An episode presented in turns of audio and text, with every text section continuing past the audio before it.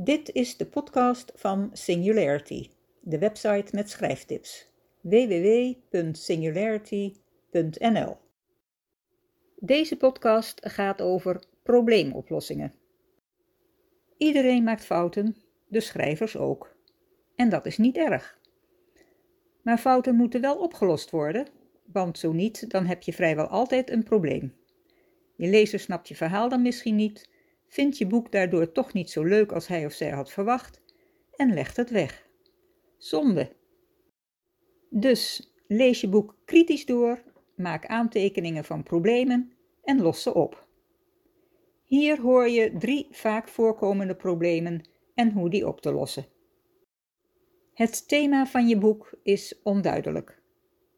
Dat kan gebeuren als je het thema dat je verhaal moet dragen niet goed hebt doordacht en er pas later aan denkt.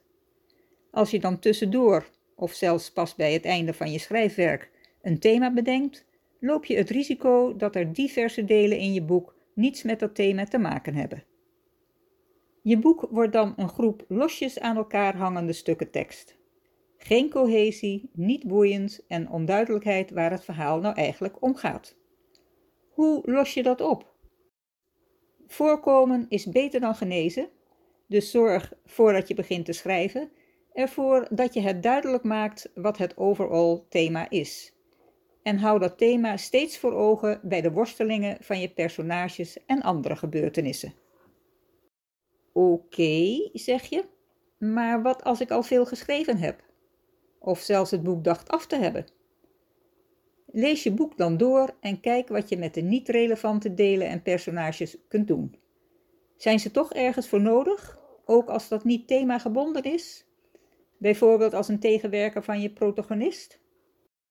Herschrijf dan hun acties zodanig dat het wel themagebonden is. Zijn er personages die er maar voor één of twee taken bestaan?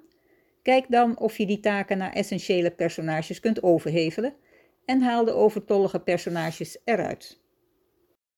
Volgende. Een niet relevante backstory. Een backstory, de achtergrond van je verhaal, is nodig om je lezer je verhaal te laten begrijpen. Het verleden van je personages heeft invloed op het verhaal dat je boek vertelt.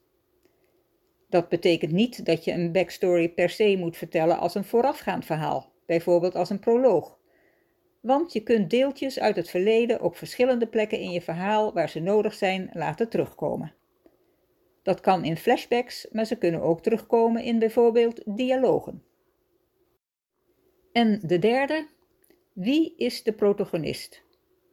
Je kunt diverse belangrijke personages in je boek hebben, maar er is maar één de protagonist. De protagonist is de spil van het verhaal, degene die het verhaal maakt en zonder hem of haar geen verhaal. De plot draait om hem of haar al hebben andere personages daar ook een rol in, en het belangrijkste conflict in de plot is dat van de protagonist. Als je één of zelfs meer andere personages zo nu en dan de protagonistenrol laat nemen, krijg je een onduidelijk, rommelig verhaal. Als je voordat je begint met schrijven een verhalenstructuur opstelt, geef dan aan wie de protagonist is bij de plot, het conflict, de climax, overal waar dat essentieel is. Was je al bezig met schrijven, lees je tekst dan door en check of de protagonist overal aanwezig is waar het moet. En zo ben ik aan het einde gekomen van deze podcast. Tot de volgende. Oh ja, vond je het leuk? Heb je er wat aan? Maak me dan blij door het te delen. Dank je wel.